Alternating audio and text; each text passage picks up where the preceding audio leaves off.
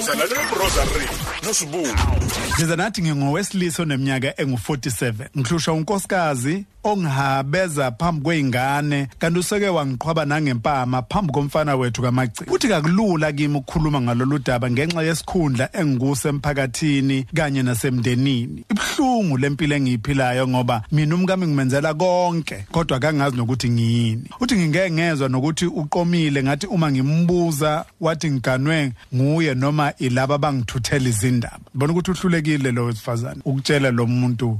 Ngiyazi ukuthi kubi ukuvumela abantu abaqhamuka ngaphandle kube yibona abanitshela yinda. Kodwa le ndlela yokumphendula kuyona le yamphendule ngayo. Uthi ke lo muntu wesilisa angimiyeke ngoba ngimsaba. Kodwa ngicabangela izingane zami ezizosala zingenamama ngoba mhlazane ngambamba ngiyombambela ithuna. Yeah. Ya- ya- yayuzwa lezo insongo ke manje? Uthi ke ngake ngakhuluma esehlukaniso kwangathi uyayiqoqa ngalezo insukwana kwaphinda futhi kwaqala phansi. Uthi ke nakho ngizongena esilingweni ngiyacela ningicebise. Indoda le ecela ecela ukuthi icetshiswe nakhu ngizongena esilingweni. Ngiyacela ningicebise kukhuluma indoda. Yeah. la umazwa waphuma phuma endodeni. Akulula ukuzwa indoda khuluma lokho kodwa into eyenza ukuthi nathi sisithathele phezulu eh kakhulukazi lolu daba yingenxa yokuthi indoda elalele namhlanje okungenzeka ukuthi nezimo ezifana nalezi ehlangabezana nazo emphakathini noma empilweni yayo ikufunda ukukhuluma. Njengalendoda umuntu ongenabo abantu abangenalo ihlomba akhala kulo mroza. Intukuthela igcwale ngaphakathi kuye agcine seyikhuphela kubantu okungafanele ayikhiphele kuwo ngoba uzothola ukuthi mhlambe uyamzonda nje umuntu wesifazane mangabe mbuka ngenxa yomuntu wesifazane oyedwa ahleli naye endlini. Mhlambe emsebenzini uyabahlukumeza abantu asebe aba- asebenza nabo emsebenzini ngenxa yomuntu wesifazane oyedwa sendlini kodwa kube wa- wakhuluma avuleleke akhale makufanele akhale eh bapha abafowabo ziphi insizwe zangakini sasinengqwele eqala esekho manje owuyaye uye kubona eh uma ngabe kuukuthi umunye umfana ongabe ukushaya lophi ikhala. Kodwa uye kubona lebo ufika uyibona ufika ukhale khona. Lezi zinto ke ibalulekile mroza. So sithi akabashayeleke eh kwi kwi kwi basithumelela ama voice note khona manje. Njengamanje bamcebisa umne wethu sithumelele ke i-voice note yakho ku-whatsapp wethu ethi 071 inombolo 071 613 667 071 613 667 071 613 667 uphinde usithinte ku-089 9193 sibheke kumanqampunqambi Njobe usuzwile njengempela ukhozi FM olihamba phambili sishakalolunye nje imzuzu kuphela ngaphambi kwelesithathu. Eh ihora sizo sasilungisela ke ngempela thena ukuthi siphume la bese ke insizwe WNB eh bahlale nawe kuze kube ngo 6 o'clock. Hey bese dinga indaba lendaba lena enzuka igay nokho ke sacela wena mlaleli ukuthi ke sikuzwe ukuphawula kwakho dabeni lwalensizwa eh kuma voice notes akho siza ukuthi Paul uthini ungumelela ukuthini mfowethu? Broza Nosbu cela ukuba uanonymous bafowethu kule ndaba eniqeda ukukhuluma ngayo. Yabona into engamsiza ubafo njengoba esho ethi usuhluleka even ngisho ukumhlonipha phambi kwengane zakhe. Okuyiphutha elikhulu kabi lelo ngoba nginenkolelo mina ukuthi even ngisho umuntu wesilisa unkosikazi wakho akumelanga ukuthi umhahameze phambi kwengane.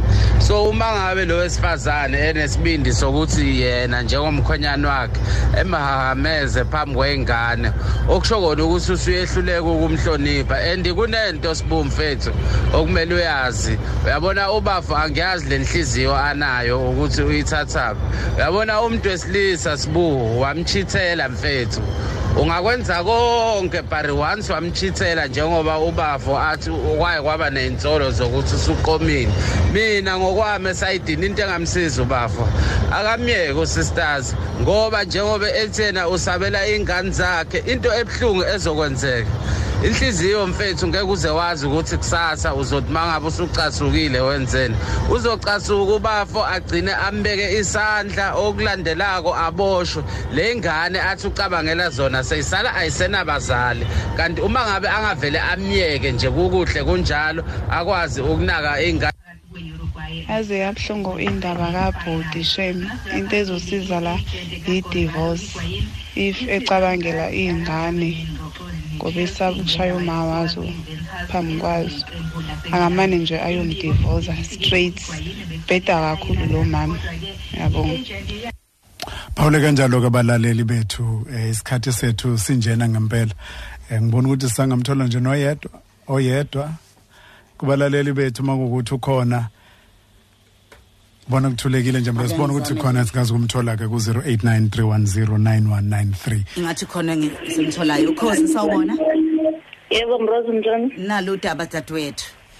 Sephi ngokwami ukubona mina uma ngabe umakoti usasenabazali umfethu angahamba aye kubazali bakhe axoxisane nabo ukuthi nakho umntaneni engiphethe kanje kanje kanje.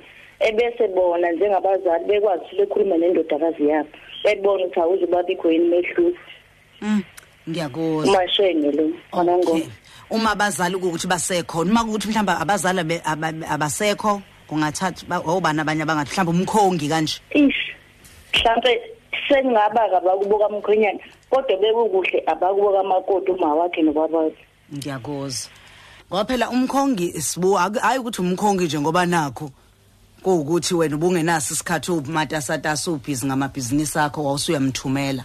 Ukuthi akawukho umkhongi uyi- u- uyi- ukusuka kwento kuziyogcinwa kusho ukuthi nje esimene sifana nalesi ngoba ungeke wazi nanokuthi yini yenza lo muntu wesifazane abe nenhliziyo enjalo. Ya.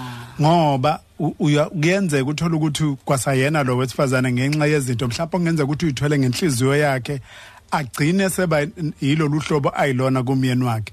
Kuthi isiluleke nje siyiso singaya kulesa siluleke esifana nesasinikeza udokotela umnguni ngesonto ledlule lokuthi eyimene efana nalezi ke kudinga ukuthi niphume nena kubantu abangakwazi ukunilekelela abakulungele nabaqeqeshelwe ukwenza lokho ngoba lokho ukuthi sithi aka- akamdivorce yabona ukuthi Eyi, uyamthanda uyamthanda kuqala. unkosikazi wakhe ngabe akahlalile naye kwazi kwaba manje Yeah. futhi uyazi ukuthi kusho ukuthini ukulahlekelwa unkosikazi wakhe eyinganeni zabo bobabili ngoba zizokhula zingenabo abazali so kusho ukuthi isinyathelo sokuqala abasangasithatha njengamanje ukuyofuna usizo kubantu abaqeqeshelwe ukwenza lokho kungaba ama marriage counselors ama family psychologist uma kukuthi banabafundisi eh, umfundisi othembekile ngoba nabo abafani futhi kokwaziyo ukuhlala phansi nabantu abasuke beganene akwazi ukubayala balungisane eh, balungise izinto zabo. Kodwa nje sibunga ngingayena umuntu wesilisa ngingowesifazane ngiyayibuka inselele enibhekene nayo njengamadoda yezikhundla enisuke ni- niziphethe.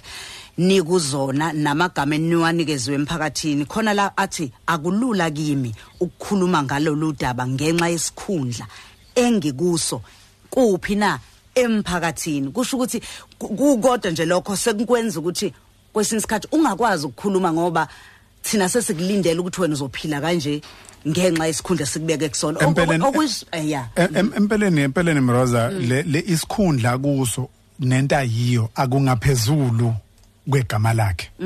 Sengisho ukuthi Ngiyayithanda le, ngiyayithanda le. njengoba ngiyosibusiso buthelezi ngiyosibusiso buthelezi ngoko nomndeni wami kungaba ingane yami kungaba unkosikazi uma benginaye ekhaya abazali bami. Yilokho kubalulekile kakhulu kuno nesikhundlo kuso so uku- uku- ukuhlenga umshado wakhe ikona okuyisinyathelo sokuqala lokho.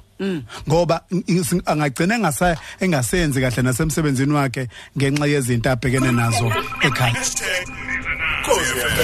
Luhamba phambili.